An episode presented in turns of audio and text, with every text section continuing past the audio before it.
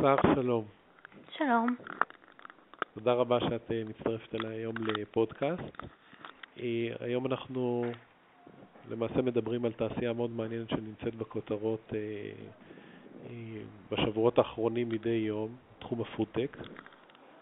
לאור ההנפקה המוצלחת ואחרי זה התנודתיות הגדולה של חברה בשם Beyond Meat, שהנפקה אחת החזקות שהיו בארצות הברית בשנים האחרונות. אז אני אשמח, קודם כל, נשמע עלייך, רקע עלייך.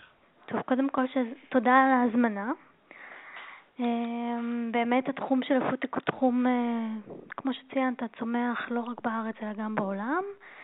קצת על עצמי, אמ, אני בעברי עבדתי יותר במוסדות ממשלתיים, בין אם זה בית הנשיא, שגרירויות אה, בעולם ובכנסת. ועשיתי איזשהו מעבר בעצם מהתחום, ה, נקרא לזה פוליטי, לתחום העסקי ציבורי עדיין. התפקיד אה, הנוכחי שלי במכון הייצוא הוא תפקיד של אה, מנהלת אה, ענף פודטק. אני בעצם, מה שאני עושה, אני מנסה לסייע לתעשיינים ולחברות סטארט-אפ ולחברות רגילות בעולמות של הפודטק לייצא לחו"ל. אה, ואנחנו עושים את זה בעצם במספר דרכים. אה, דרך אחת זה להביא כל מיני גורמים עסקיים ארצה ולהפגיש אותם עם התעשייה, והדרך השנייה זה להוציא בעצם את התעשייה לחו"ל, לרודשואים, כנסים ותערוכות בעולמות תוכן אה, של הפודטק. אז אולי נתחיל לדבר, לפני שנדבר על ישראל ועל התעשייה המקומית, אולי מה קורה בעולם? עד כמה המהפכה בתחום הזה של הפודטק היא בשלבים מתקדמים? אז בעצם אה, בעולם אה, חברות המזון מבינות שמה שהיה זה לא מה שיהיה, ויש צורך אה, בשינוי גדול, והשינוי בא קודם כל מהצרכן, אבל גם, הם גם מבינים שהשינוי הזה חייב להגיע בגלל האתגרים הגדולים שקיימים אה, בעולם. אז אחד האתגרים אה, הכי גדולים זה בעצם אתגר, נקרא לזה האוביס והשומן, אה, ולא רק השומן, אלא גם, גם מחלות אחרות שהן תוצאה מהמזון המתועש שאנחנו צורכים. ובעצם זה גורם לחברות לחשוב איך הן לוקחות את המוצרים שלהם והופכות את המוצרים שלהם ליותר בריאים, שיש בהם יותר ערך, אה, מופחתים בסוכר, מופחתים במלח, אה, ולשם בעצם זה אחד האתגרים הכי גדולים שהתעשייה כרגע בעולם מדברת עליהם, איך הופכים את המזון שלנו למזון בריא יותר. אה, אתגר נוסף שהייתי שמה עליו דגש זה כל העניין של בזבוז מזון. אה, המון, המון, משהו כמו 40 אחוז מה, מהמזון שמיוצר הוא בעצם נזרק. אה, וזה כמויות עצומות. ואז כל התעשיות, מחברות המזון עד שירותי ההסעדה, אה, חושבות פשוט איך אפשר לעשות ומה אפשר לעשות כדי לצמצם בעצם את, ה, את, ה, את העניין הזה. העניין של waste הוא אתגר מאוד מאוד חזק אה, שכולם מדברים עליו. אה, ואתגר נוסף זה, גם על זה כולם מדברים, זה אתגר הפלסטיק בעצם. כל מזון שאנחנו צורכים כמעט ב... בעטיפה או באריזה של פלסטיק, וזה אתגר שגם תעשיית המזון מנסה להתמודד איתו. כיצד אנחנו מוצאים פתרונות אה, לפלסטיק. אלה למעשה בעיות שהן בעיות של שנים ארוכות. יש משהו שהוא כרגע מאיץ את התעשייה הזאת לכיוון של פתרונות?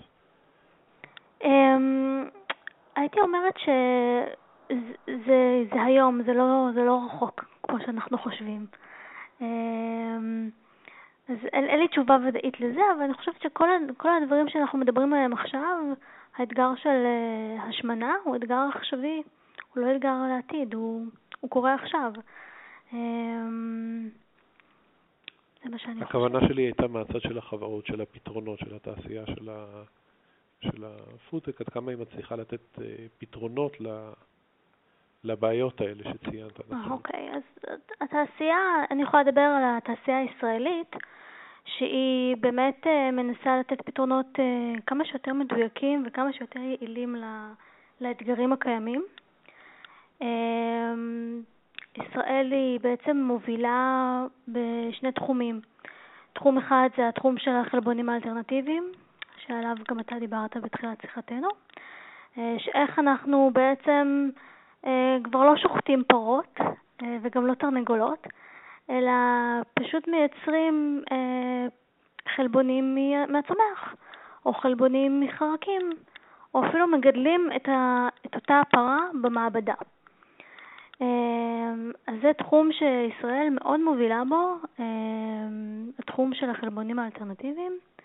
תחום נוסף זה תחום של הפחתת הסוכר. יש אה, לא מעט סטארט-אפים שבאים אה, לתת מענה אה, לאחוזי הסוכר הגבוהים שיש במשקאות ובמיצים, ואיך להוריד את הסוכר בנגיד עוגיות, אבל להשאיר את אותו הטעם.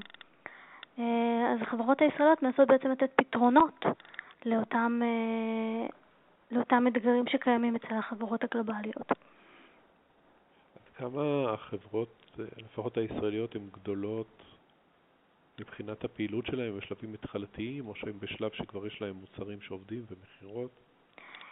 אז אני יכולה להגיד שזה עדיין בשלב די התחלתי, הרוב, רוב החברות הן אה, צעירות, אבל הרבה חברות, המטרה שלהן זה פשוט למצוא שיתופי פעולה עם חברות בחו"ל, ו... ובאמצעות השיתוף פעולה לייצר את המוצר. הרבה פעמים הן לא מצליחות נגיד למצוא אה, פיילוטים שהן יכולים לעשות בארץ, אז הן מחפשות את זה בחו"ל. אה, אז מבחינת הרכב החברות, רוב החברות הן באמת צעירות, אה, אבל לאט לאט הן גדלות. אה, אני יכולה להגיד שאם שנה שעברה ביקרתי במשרד של חברה שהיו שם שלושה איש, אז אה, השנה שביקרתי אותם הם כבר היו עשרה. אז יש התפתחות, היא לא עצומה, אבל היא אה, קטנה והיא באמת קורית. עד כמה יש להם מקורות מימון כדי... אה, טוב, מקורות מימון זה השאלה הכי קשה של כל סטארט-אפ באשר הוא. אמ, ובתחום הזה יש, אנחנו יודעים שבתחומים של הייטק אחרים יש איזשהו... נכון.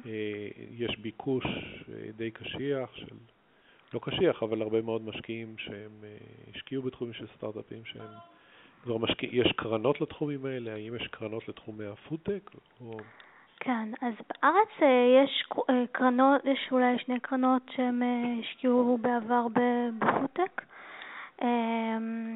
מבחינה בינלאומית, כל הקרנות של האג, אגריטק בחקלאות, פונים לכיוון של ה food גם, אה, אבל לאט לאט באמת יותר ויותר משקיעים נכנסים לתחום הזה ומתעניינים גם מחברות שלא קשורות, כמו מיציבושי או, או קרנות שכאילו לא עוסקות דווקא במזון והולכות ובאמת משקיעות בתחומים האלו.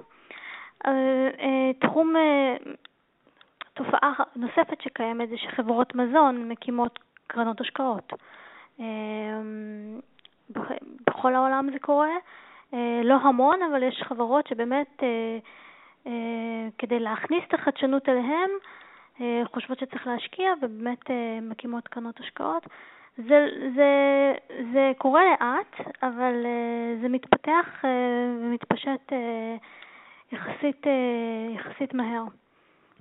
וזה גם קורה בישראל, התהליך הזה? כן, כן, אבל אנחנו קצת, אה, אין הרבה כסף אה, אה, מקומי, בוא נקרא, שמושקע, אבל כן, זה קורה גם בישראל. קרן JVP השקיעה במספר חברות ישראליות, גרינסויל, גם קרן שהשקיעה בחברות פוטק, זה קורה. אז למעשה מה שאתם עושים, אתם מאתרים חברות ישראליות שמעוניינות לפרוץ לשווקים הבינלאומיים, אבל הם בשלב מקדמי מדי. הם יכולות להיות במגוון אה, שלבים. אה, כמובן שקשה לי מאוד לתת ערך לחברה שהיא ממש צעירה וזה ממש יזם אחד מתוך מעבדה או משהו שהוא נורא אה, צעיר. אה, אני יותר קל לי לתת מענה ו... ולעזור למישהו שיש לו מוצר סופי. אבל ברגע שאני מוצאת גורם שהוא כן מוכן, חברת מזון שמוכן להגיע ולשמוע גם את ה-early stage נקרא לזה, או את ה-seed, את החברות האלה, אז אני גם יכולה לייצר להם ערך במובן הזה. אבל כן, בעיקר אה, חברות שהן קרובות למוצר, רואים מוצר, להם אני יכולה לתת את הערך היותר גבוה, בוודאות. עד כמה אתם מרגישים השינוי של ההנפקה שהייתה השנה של חברת ביונד מיט עם, עם העלייה המאוד מאוד חדה שהיה למחיר המניה ואחרי זה הירידה, עד כמה הסיפור הזה יצר באז הוא יצר בתחום? באז, עד, הוא עד יצר... כמה התחום הזה מתעורר כתוצאה מזה? אז כן, זה כמו שציינתי קודם, התחום של ה... לייצר אה, בשר ללא בשר, כמו שאומרים, או בשר מצמחים, הוא תחום שהיה קיים בארץ לפני, אבל אה, אפשר להרגיש שעוד אה, שחקנים ויזמים נכנסים למשחק בגלל ההנפקה. כי הם רואים את זה, הם רואים את הכסף הגדול, וכאן זה באמת גרם לזה שעוד שחקנים ועוד יזמים ייכנסו לעולמות של הפוטק. עכשיו, מטבע הדברים, בטח הבעיות שציינת קודם, בעיקר הכל מופנה לשוק האמריקאי, או שיש גם שווקים נוספים לא, ש... לא דווקא. אה, גם שווקי המזרח, אה, שהם גדולים מבחינת אה, אספקת המזון, סתם לדוגמה, תאילנד, שהיא מספקת מזון כמעט לכל מזרח אסיה. אירופה, המדינות הסקנדינביות מאוד רוצות חדשנות בעולמות של המזון. זה די גלובלי וזה מתפשט כי בסופו של דבר חברות מזון גדולות הן לא נמצאות רק בארצות הברית, נמצאות בכל העולם.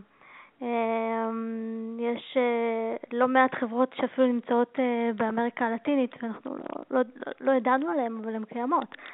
אז הם מגיעים אה, בעצם מכל העולם כדי לחפש ולשמוע על חדשנות ישראלית. זה לא רק לארצות הברית, זה באמת, אולי זה השוק המרכזי של רוב החברות סטארט-אפ, כי כולם רוצות לחוות את החלום האמריקאי, אבל בהחלט לא, לא, לא היחיד. יש מידה מסוימת של שיתוף פעולה מחקרי מצד האוניברסיטאות, או זה שהוא תחום ש... כן.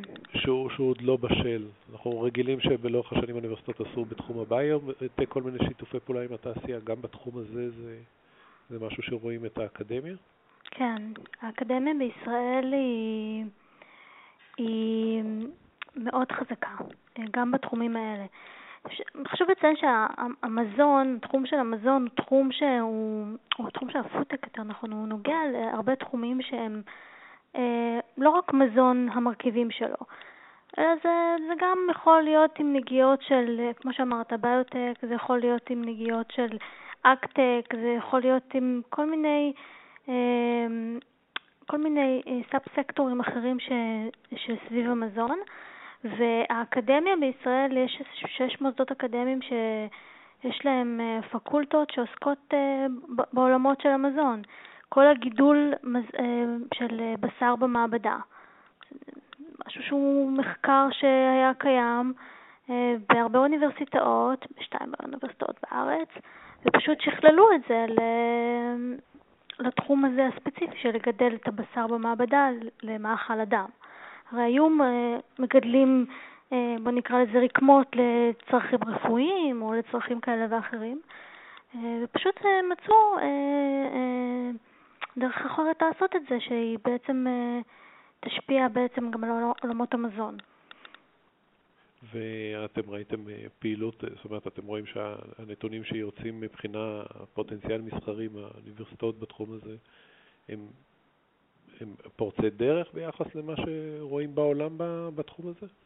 כי בסך הכל צריך להתמודד עם חברות בסדר גודל שכבר ניגשות להנפקה עם היקפי פעילות לא מבוטלים, וגם שם תהיה תחרות, אה, סביר להניח, קשה מאוד. תחרות תמיד תהיה. אה, זה באמת, אה, המוצר יכול להיות מוצר מאוד מאוד טוב. בעולמות האלה אי אפשר להגיד שאין מתחרים. יש מוצרים וכל מוצר הוא קצת שונה מהשון, מה, מהאחר, ב, יש לו איזשהו משהו שהוא מוסיף שהוא אחר. העולם של האקדמיה, הרבה מהחברות שהיו באקדמיה, או הרבה מחקרים שהיו באקדמיה, עוברים לדוגמה לחממות, ומשם יוצאים לתעשייה. זה מודל מאוד מוכר, או לדוגמה שלאוניברסיטאות יש חברות יישום שבאמת גם מנסות לקחת את הטכנולוגיה שהיא באקדמיה ולהוציא אותה לעולם. אמ, מבחינת הקושי, זה, זה מאוד, אה, אני אגיד למה זה קשה. זה קשה כי אה, העולם האקדמי לא תמיד חי בסינרגיה עם העולם התעשייתי. אה, ובתעשייה לפעמים יש דברים שהם רואים שהאקדמיה בכלל מבחינתם זה איזשהו בליינד ספוט שהם לא ראו ולא לא חוו. אז באמת יש אה, לא מעט גורמים שמנסים אה, אה, לחבר את האקדמיה ואת התעשייה כדי שאחת תלמד על השנייה וכאילו תלמד את הצרכים של השנייה. כי תעשיית המזון היא תעשייה שבאמת, בעיקר תעשיית הפודטק, תעשייה שיש בה יותר אנשים שהם מבוגרים, בגלל שהם כולם היו עובדים בתעשייה, לא כולם, אבל הרבה מהם עבדו בתעשייה, ראו איזושהי מצוקה או איזשהו אתגר או איזשהו כאב, ואז הם יצאו החוצה ובנו סטארט-אפ שהוא מנסה להתעסק בכאב הזה. אז uh, בעולם האקדמי צריך פשוט למצוא את השיתוף פעולה המדויק בין uh, המוסדות האקדמיים לבין תעשיית המזון. אז נניח משקיעים אה, שמשקיעים בתעשיית הון סיכון, משקיעים פרטיים שמעוניינים להיחשף לתעשייה הזאת בישראל, האופציה היחידה שלהם זה באמצעות אה, חברות היישום, או שיש דרך אחרת להיפגש עם חברות מעניינות בתחום הזה? אז אפשר גם דרך מכון הייצוא לעשות את זה. אנחנו, כשאנחנו מביאים גורמים, אנחנו עושים להם אה, פגישות עם, אה, עם התעשייה, אבל גם עם האקוסיסטם, כדי ללמוד על האקדמיה, כדי ללמוד על החממות שקיימות, כדי להכיר את היוזמה, היוזמה הלאומית בצפון של הפודטק וכדומה, אז אפשר לעשות את זה גם דרכנו. אמ, אני חושבת שזה... משקיעים מגיעים לפה לא משנה מה.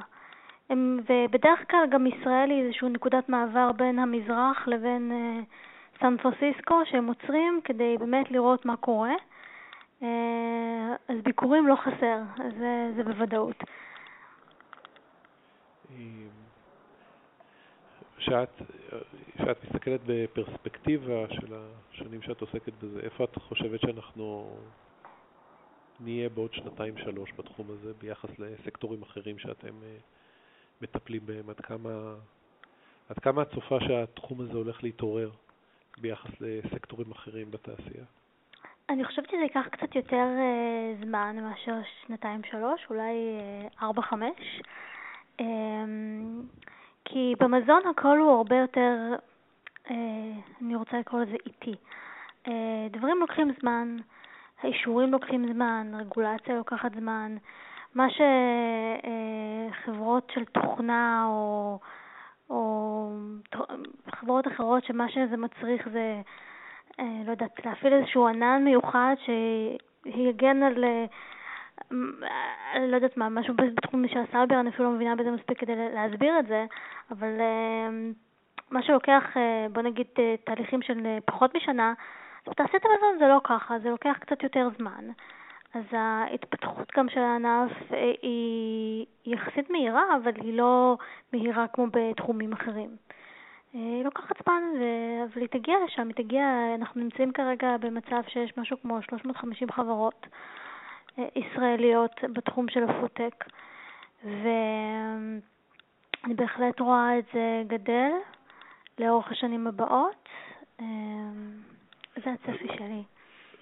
מילה אחת לגבי באמת הרגולטורים בתחומים האלה, זאת אומרת שמי שעובד בתחום, הרגולטור המרכזי שהוא נפגש איתו זה משרד הבריאות, או ש... נכון, משרד הבריאות, או, או ה-FDA או כל מוסד אחר אה, בינלאומי ש... אה, תלוי במדינה, אם בחרת במדינה, איזה רגולציה יש באותה מדינה, מה, כאילו, מה כל התהליכים. יש את כל התהליכים מול משרד הבריאות כמובן, לפעמים מול משרד החקלאות. אה, רגולציה היא תחום אה, כאוב לחברות מזון, אבל מי ש... חשוב. כן, מאוד חשוב, מאוד חשוב. צריך, צריך יועץ טוב, צריך באמת uh, לקחת איזה מישהו שהוא יהווה לך איזה שוק של מנטורינג ויסייע לך ב, ב, בעולמות האלה של הרגולציה. טוב, מעניין מאוד. שר, אנחנו נהיה בקשר בהמשך כדי לראות אה, עד כמה אנחנו מצליחים בישראל לפרוץ דרך בתחום הזה. יופי, תודה רבה. תודה רבה על זמנך. להתראות. ביי ביי.